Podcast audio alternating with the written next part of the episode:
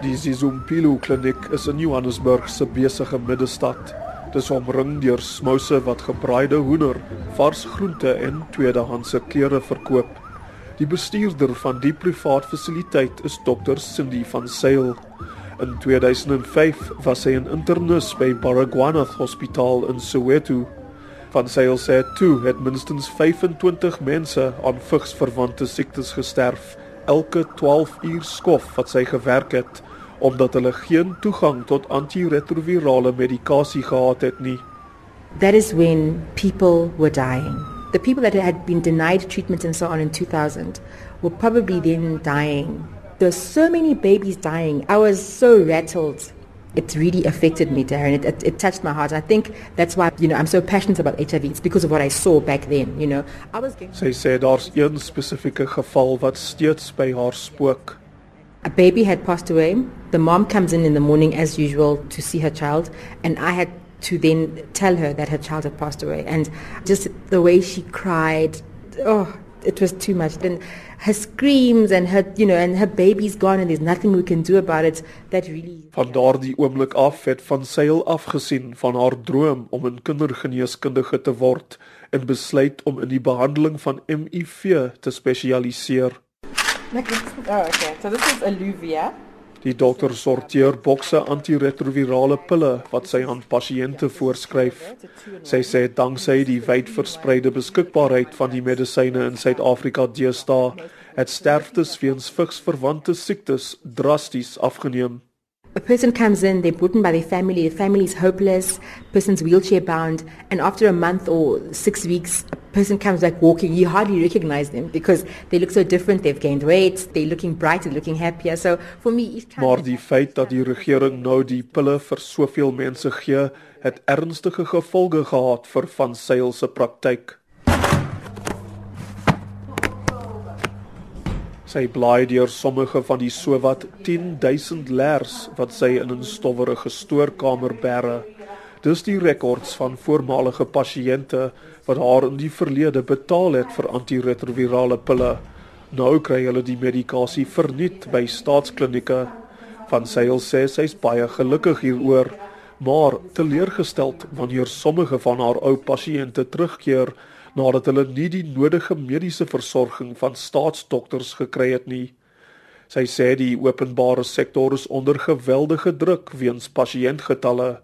Dus het staatsklinieke soms nie genoeg voorraad antiretrovirale pille nie en het ook nie die tyd of bronne om pasiënte te monitor om te verseker dat hulle die medikasie korrek gebruik nie.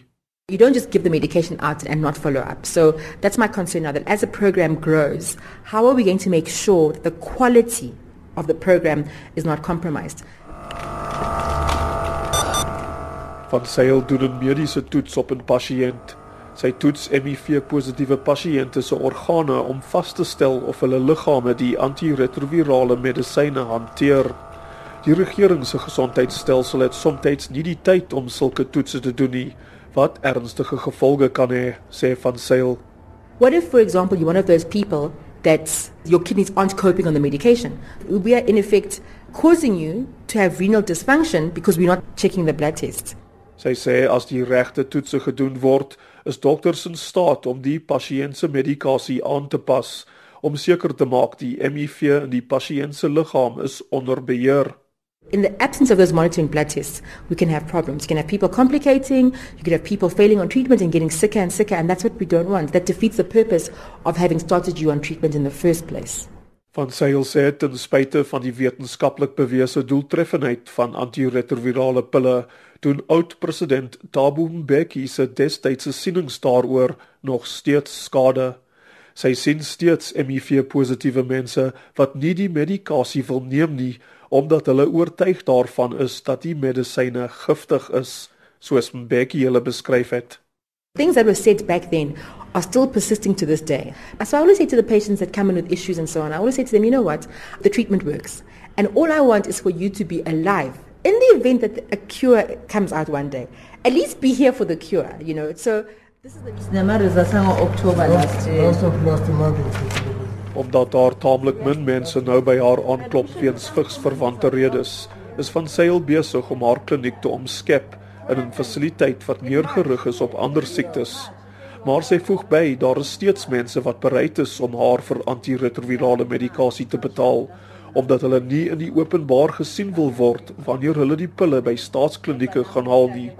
Hulle wil hulle HIV positiewe status geheim hou weens die stigma verbonde aan die toestand. Van Sail se HIV positiewe pasiënte is ook oor die algemeen werkende mense vir wie tyd belangrik is. The people that can't afford to spend hours at a public sector facility but can afford to pay for a quick and efficient service. You come in, you see the doctor for 10 minutes, just make sure that everything's fine, give you your medication and off you go. Dokter van Sail loop trappe af na die einde van nog 'n lang dag. In vergelyking met ander private mediese praktyke, vra sy nie baie geld vir haar dienste nie. Sy kon baie meer geld verdien het vir baie minder werk iewers anders. Sometimes I look back and I think I should never have walked into these doors. So I came out from the street and I walked into this place and I thought, oh my word, it's like an oasis in the middle of a desert. En 'n oase is presies wat hier Zezumpilo kliniek is en 'n plek waar mense met HIV die tipe hoë kwaliteit diens kry wat nie altyd by Suid-Afrika se regeringsgesondheidsfasiliteite beskikbaar is nie. Ek is Darren Taylor in Johannesburg. Ja.